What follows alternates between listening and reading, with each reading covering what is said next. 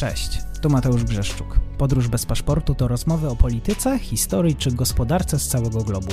Podcast ze świetnymi gośćmi, którzy chcą się podzielić swoją wiedzą. Zapraszam na YouTube, Spotify i inne platformy streamingowe i nie zapomnij o subskrypcji, jeżeli podoba Ci się to, co robię. Od czasu do czasu pozostajemy w granicach kraju. Wtedy zapraszam na wyjątkowy odcinek Podróż po Polsce.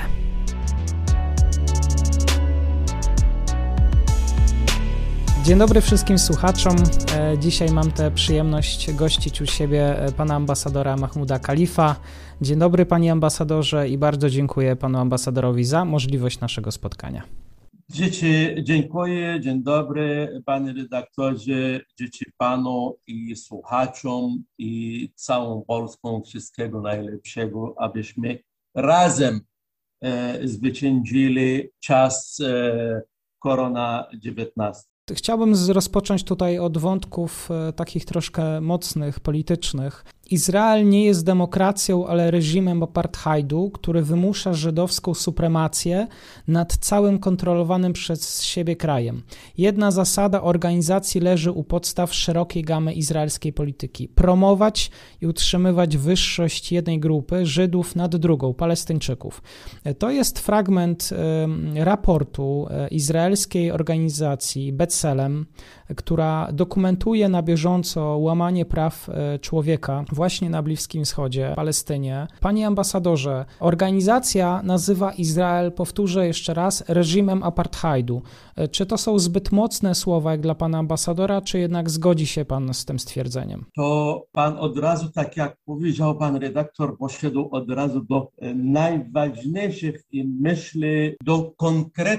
Tak. Becelem to jest izraelska organizacja praw człowieka. I to jak taka organizacja podkreśla takiego e, wyrazu, ja myślę, że trzeba popatrzeć i trzeba myśleć, jak jaka jest faktyczna sytuacja na palestyńskich terytoriach, w Palestynie, jaka jest prawdziwa praktyka e, wojsk izraelskich, to e, całkowicie e, zgadzam z takim wyrazem i myślę, że to jest wstyd w ogóle, że społeczność międzynarodowa w tym stuleciu zaakceptowała takiego reżimu i można go nazwać e, reżimem de demokratycznym. Ja myślę, że i uważam, że to, co publikuje Becelem w zakresie dochodzeń raportów, zawiera część prawdy, tak jak powiedziałem, którą widzimy, który odczuwamy i to e, dzięki ciągłym, powiedzmy, śledzeniem przez tej organizacje i nagrywanie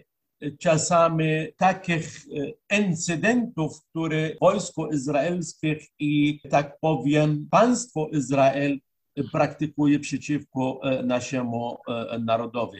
Osiągnięty e, w tym stuleciu poziom dyskryminacji rasowej i czystych etnicznych przeciwko narodowi palestyńskiemu jest hanebny i to działanie izraelskiej okupacji, wobec którego społeczność międzynarodowa niestety i organizacje społeczne w wielu krajach pozostaje bierne. Oświadczenie, jak już na to nic nie robi i myśli, że Rada Bezpieczeństwa i myśli, organizacje podlegają e, Narodów Zjednoczonych powinny e, coś na ten temat robić.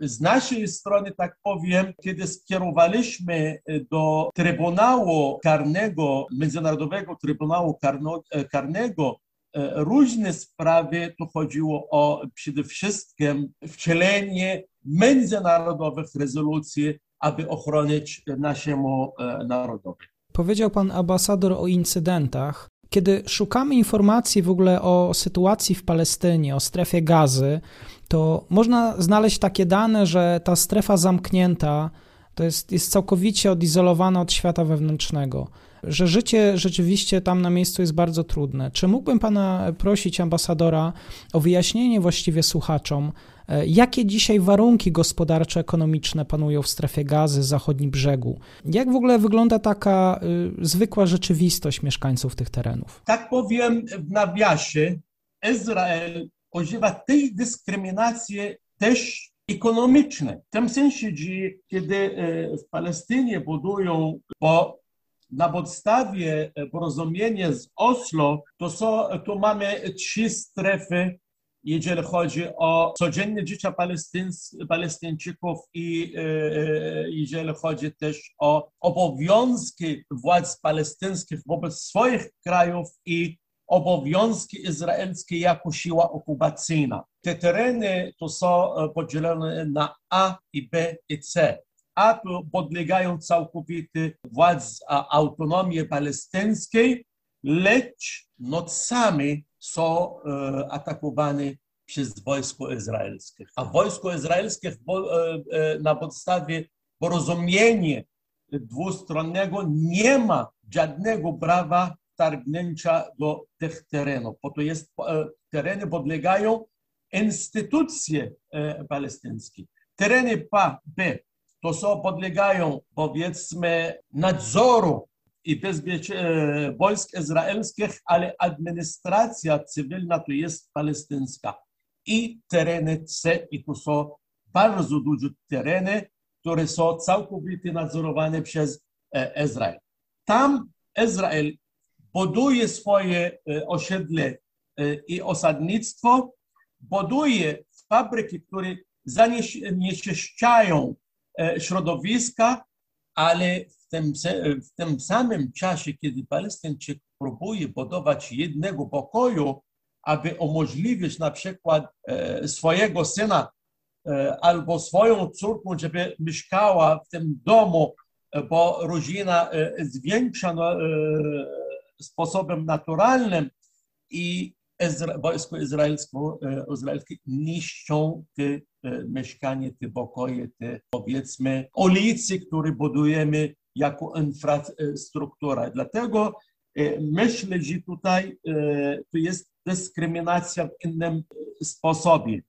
Palestyńczycy tam zajmują przede wszystkim rolnictwo, pracują w różnych instytucjach palestyńskich. Tam na tych ziemiach społeczność palestyńska ma potrzebę. Potrzeba, e, potrzebna jest infrastruktura, drogi, e, infrastruktura wodna i energia elektryczna. Tamtejsza ludności, tak powiem, w dużym stopniu trudni się rolnictwem, a mimo to Izrael skutecznie niszczy tej infrastrukturę, konfiskuje ziemię na rzecz budowy osiedle osadniczych zamykają te tereny, nie pozwalają e, na budowę, nie pozwalają na powiedzmy rozwoju czy tak jak powiedziałem, ekonomia, czy edukacja, czy jeżeli chodzi na przykład o rolnictwo i, i tak dalej. Dlatego niestety e, w tamtych terenach e, w Palestynie jest bardzo wysoka siła bezrobocza. robocza. Jeżeli na przykład E, możemy e, mówić o tej, siły e, roboczej w Palestynie z powodu braku dużych infrastruktura ekonomiczna, w tym sensie budowy dużych fabryk i, i, i małych fabryk, z powodu na przykład nieumożliwienia rozwoju tamtych terenach, Izrael buduje, tak jak powiedziałem na początku, swoje, swoje fabryki tam, więc to chce zamienić tej siły roboczej palestyńskiej w uzależnionej od izraelskiego pracodawca. Ona otwiera, kiedy chce, zamyka, kiedy chce. Krótko mówiąc, Izrael dąży do tego, aby Palestyńczyk szukał jedyny e, codziennego e, pożywienia. I to e, nie o to chodzi z całego procesu z Oslo, nie o to chodzi jeżeli chodzi o dążenie Palestyńczyków do e, samostanowienia i do suwerenności, żeby e, przede wszystkim budować i rozwijać się normalnie, tak jak każdy inny naród, tak jak każdy inny kraj. To tutaj sam wielokrotnie słyszałem o tym, że ta praca palestyńskich rolników, również i kobiet, jak i dużych firm, kooperatyw żywnościowych, jest takim właśnie podwójnym zmaganiem. Pierwsze to właśnie z represjami wojska oraz właśnie z samym wielkim przemysłem, że E, akurat e, palestyński rynek rolny jest właśnie zalewany przez te e, tanie, bo również dotowane przez państwo izraelskie warzywa i owoce i w efekcie czego właśnie wielu rolników jest zmuszonych porzucić ten taki tradycyjny tryb życia. Tak, to po prostu wojsko izraelskie za pomocy decyzji rządu izraelskiego i za pomocy też izraelskiego parlamentu, który wydaje takie dekrety i takie prawa, to on po prostu niszczy codzienne życie Palestyńczyków, niszczy no, mogę odziewać tutaj trucie życia codziennego w całkowitym znaczeniu to, to słowa bo zanieczyszczenie środowiska, niepozwolenie Palestyńczyków e, normalnego ruchu e, codziennego między miastami, między e, miastem a wsią, między rolnikiem, który ruszy codziennie rano z domu do swojej ziemi, aby coś tam uprawiać. To, to po prostu E, tak jak powiedziałem, Izrael nie pozwala na rozwój normalnego rozwoju ani instytucji palestyńskiej, ani ekonomia palestyńska, ani rozwoju normalnego Palestyńczyka, żeby na przykład, tak powiem, poruszył spokojnie, swobodny z miasta do, do drugiego, z kraju do innego kraju. E, to, to po prostu w tej chwili z powodu blokady, jakie Izrael dokonuje na cały kraj, chodzi tutaj o sam Izrael, to wszystkie nasze punkty graniczne są zamknięte, ponieważ nadzorowane przez wojska izraelskie i siły e, izraelskie, więc to, to też Palestyńczyk nie może poruszyć, nie może wyjechać i tak dalej. Nie mówiąc już o Palestyńczycy, którzy żyją powiedzmy tutaj w Polsce, czy żyją z zagranicy i chcą powrócić w tym czasie do, do kraju. Każdy człowiek może powrócić do swojego kraju. Jedyny Palestyńczyk nie może powrócić, pomimo sytuacji, obecnej sytuacji e, epidemicznej. Tak, jeszcze tutaj e, kończąc ten wątek rolniczo-żywnościowy, to z tego co wiem, to akurat nasz kraj jest szczególnie zainteresowany produktami palestyńskimi i są to daktyle i winogrona, a na rynek palestyński trafia nasze mięso halal, też produkty jajeczne, i z tego co wiem, produkty mleczarskie.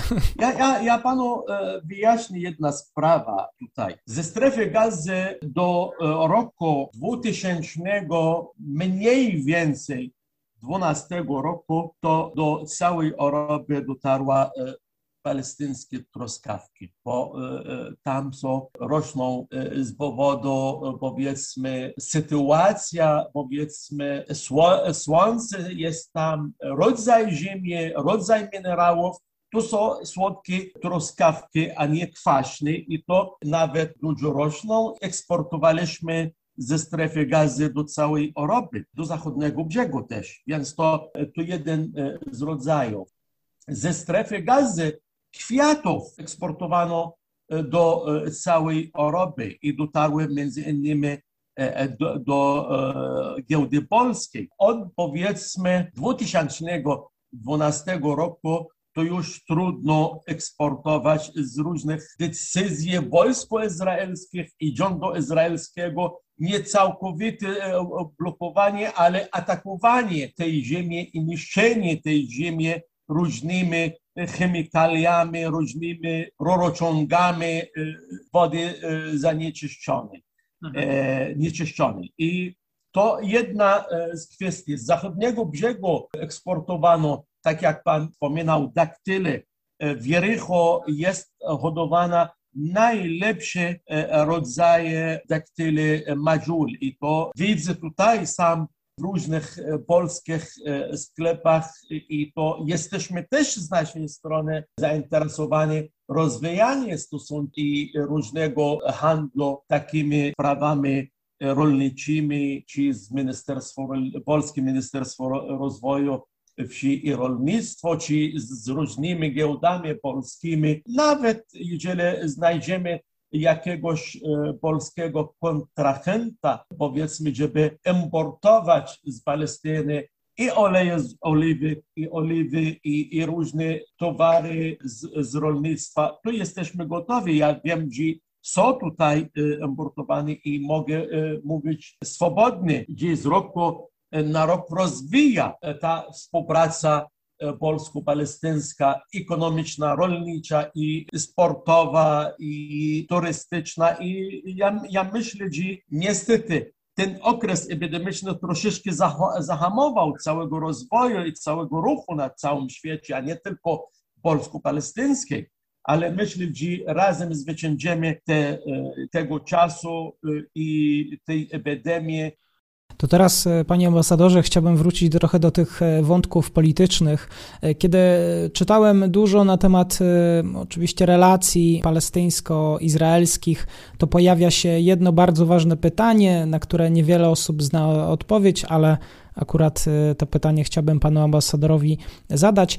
Jakie są obecnie w ogóle plany ekspansji terytorialnej Izraela w kontekście również Palestyny? To e, e, jeżeli pan pozwoli, to ja e, pójdę troszeczkę dalej w odpowiedzi na to pytanie. Obecna administracja Stanów Zjednoczonych różni się od poprzedniej i mamy możliwość udowodnienia, że jest gotowa być partnerem w procesie pokojowym na Bliskim Wschodzie, ale jest za wcześnie, aby teraz jej oceniać. Nie traktujemy nowej administracji y, z wrogością, ale nie traktujemy też je po przyjacielsku i obchodzimy się z nią ostrożnie. Nasze doświadczenie z poprzednią administracją, tak powiem, stronniczości wobec okupacji na niekorzyść Palestyńczyków. Palestyńczycy są e, gotowi do współpracy z obecną administracją, jeśli będzie gotowa być neutralnym mediatorem razem z kwartatu, razem z innymi krajami, które były zainteresowany, powiedzmy, znalezienie jakiegoś rozwiązania, tak powiem, politycznego, żeby znaleźć jakiegoś rozwiązanie, które zapewnią powstania państwo palestyńskie. Bo e, e, obecne państwo izraelskie, e, Izraela to jest, ale teraz trzeba stworzyć państwo palestyńskie, więc to mówimy tutaj o granicy tego roku i ja myślę, że to jest e, w tej chwili do dzisiejszego możemy mówić o to, e, tego rozwiązania, e, bo jest możliwe, możliwe i jest szansa, aby dojść do takiego rozwiązania.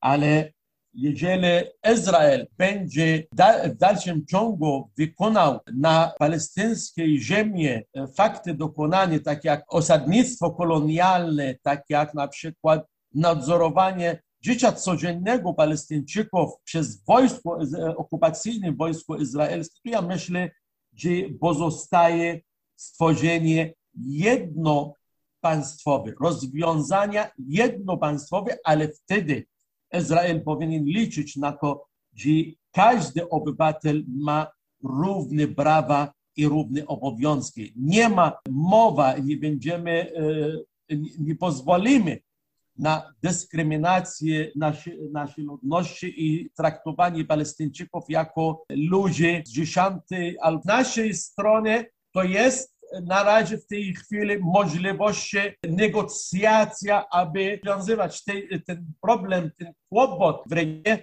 na podstawie na granicach 67 roku.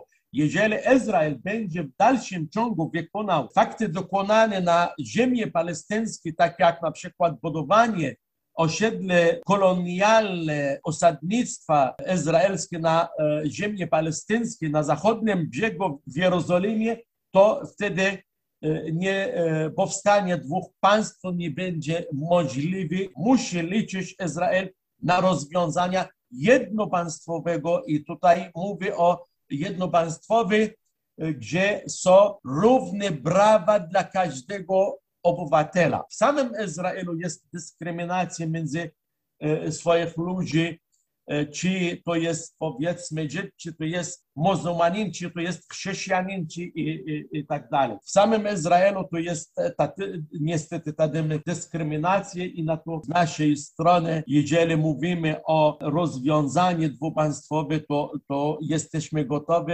Rozwiązanie jednopaństwowe jesteśmy też gotowi, ale tak jak powiedziałem, musimy liczyć z równo E, z równymi prawami dla każdego e, obywatela. Czy Izrael jest gotów na to? Ja wątpię w to. Chciałem tutaj zapytać e, w kwestii tych porozumień abrahamowych Donalda Trumpa, Bahrajnu, Emiratów. Czytałem komentarze, że Palestyna mogła się czuć wtedy zdradzona, że wbito jej nóż w plecy. Co pozostaje Palestynie, gdy coraz więcej państw z regionu patrzy raczej właśnie w stronę Izraela, a nie Palestyny? Tutaj muszę wyraźnie powiedzieć, że wciąż mamy duże zaufanie do krajów arabskich, do naszych braci i, i społeczność arabska. Tutaj e, czasami e, patrzymy na e, całego planu, całej mapy, a nie tylko na poszczególne kraje. Był czas, gdzie tak w nawiasie bowiem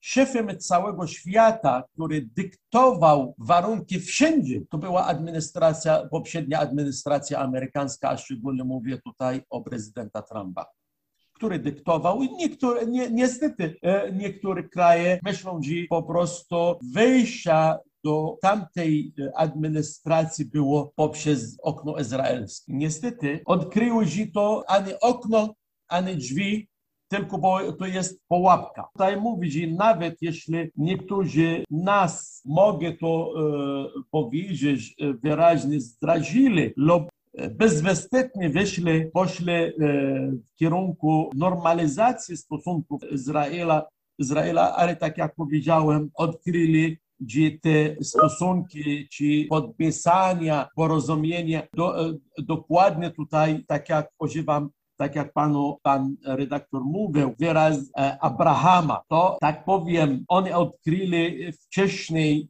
ale już po podpisaniu tych porozumień Abrahama, że to e, im nic nie dało. Izrael to, to jest dokładnie, tak powiem, tak jak konferencja warszawska dała nagrodę dla Netanyahu, ale e, Netanyahu nic nie oddał.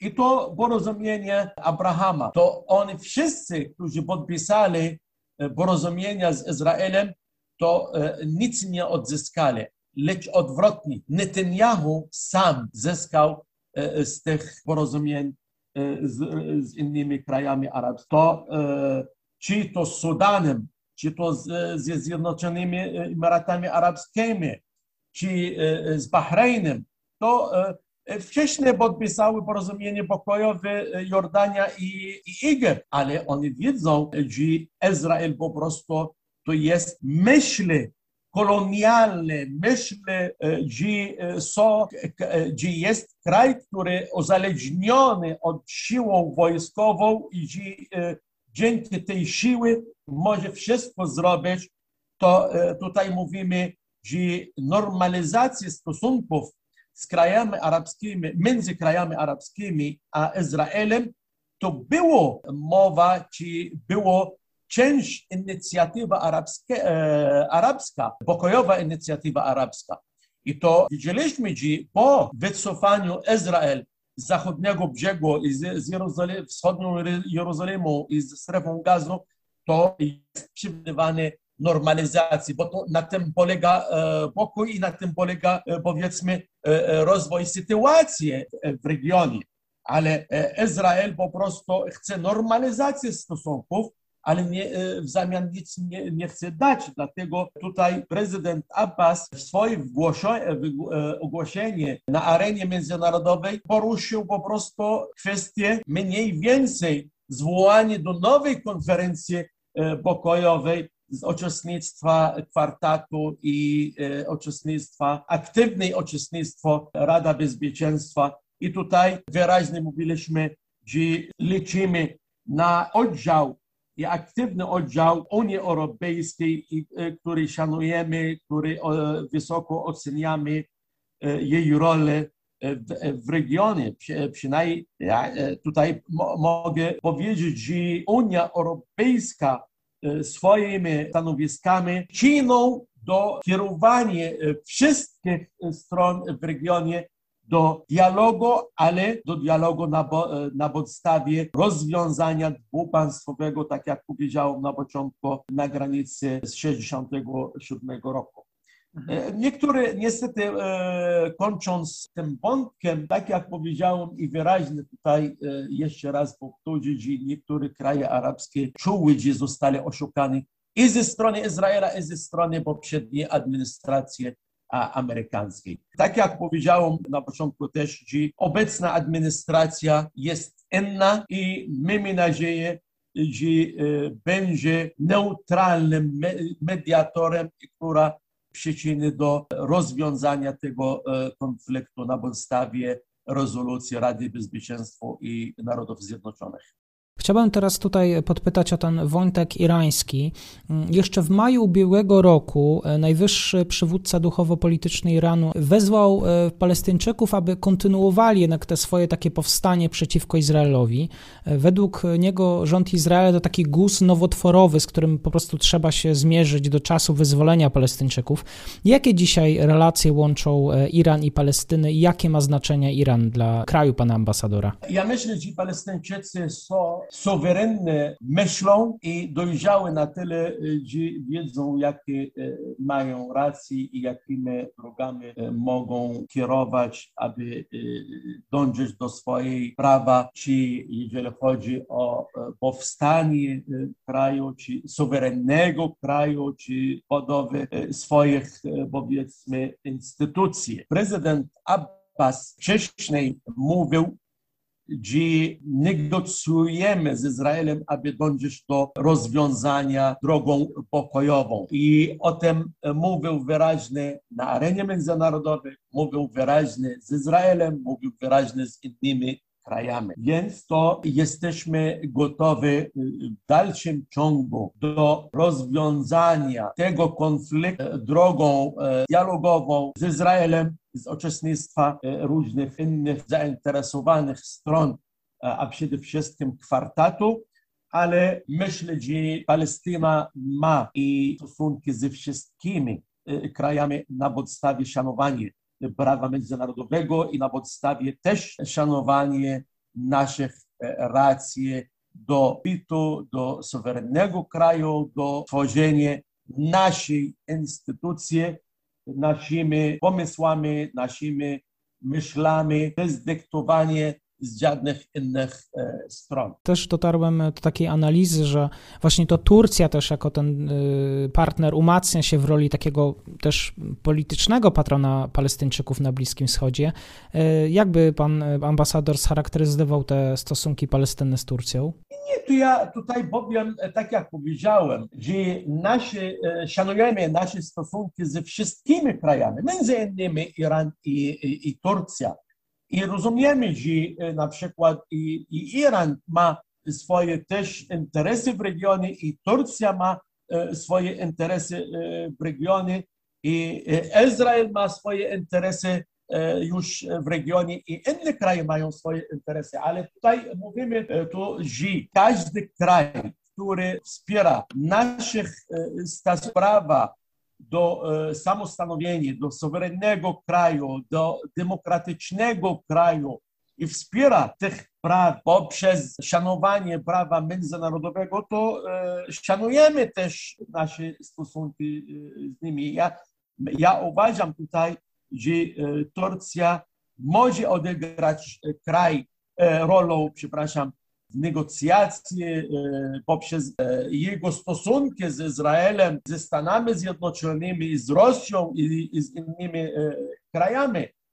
Ale niestety, jeżeli patrzymy na sytuację, tutaj każdy kraj szuka swoje interesy, ale na drugim albo na trzecim miejscu to interesów Palestyńczyków. Dlatego tutaj mówimy, że jedyny, e, szanujemy wszystkie kraje, szanujemy e, nasze stosunki ze wszystkimi krajami, ale też dążymy do rozwiązania tej, tego konfliktu, tej sprawy poprzez zwołanie konferencji międzynarodową z oddziałem Kwartatu, z oddziałem Unii Europejskiej, e, Stanów Zjednoczonych, Rosja, e, Rady Bezpieczeństwa czy Narodów e, Zjednoczonych, czy szefa Rady Bezpieczeństwa. I tutaj ja myślę, i kraje, które są zainteresowane znalezieniem rozwiązania poprzez dialogu i poprzez powiedzmy drogą polityczną. Ja myślę, że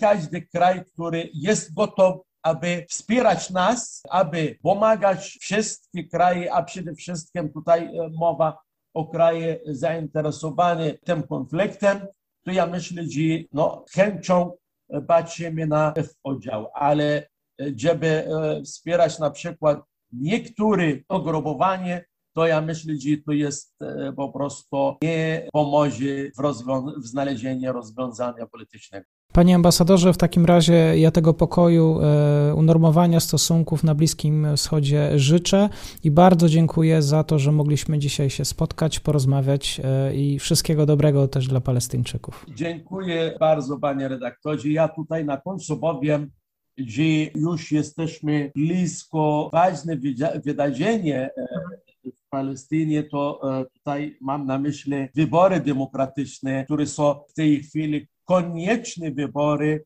a ich powiedzenie wymaga spełnienia wszystkich e, warunków. I ci z naszej strony, która już myślę, że zostały spełnione i ze strony areny międzynarodowej, świata, czy społeczność międzynarodowa, międzynarodową. I myślę, że każdy oddział, aby pomóc w wykonaniu tych wyborów, wywzięcie nacisku na Izrael, żeby pozwolił Palestyńczycy w Jerozolimie, e, w Jerozolimie aby mogli swobodnie głosować, to jest miele wiedziane z naszej strony i nawet powiem, że to jest e, wyzwanie dla społeczności międzynarodowej, żeby wyraził, wywziął naciski na Izraela, żeby e, właśnie ten wątek rozwiązał, bo, bo bez wyborów w Jerozolimie myślę, że te wybory będą nie całkowite. To e, po prostu w pierwszych, drugich, trzecich wyborach e, Palestyńczycy w, e, w Jerozolimie uczestniczyli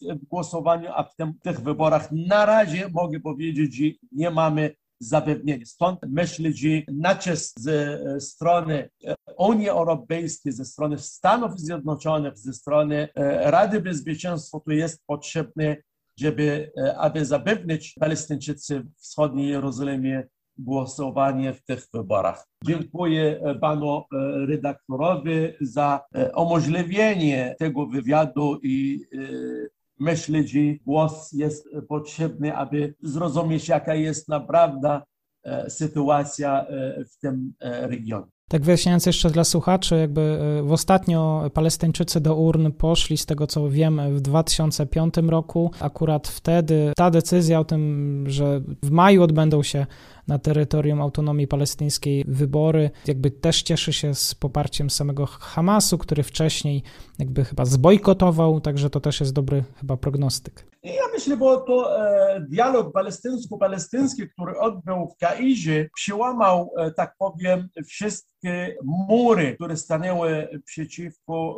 wyprowadzeniu e, tych wyborów i czas nadszedł, żeby te wybory wykonać.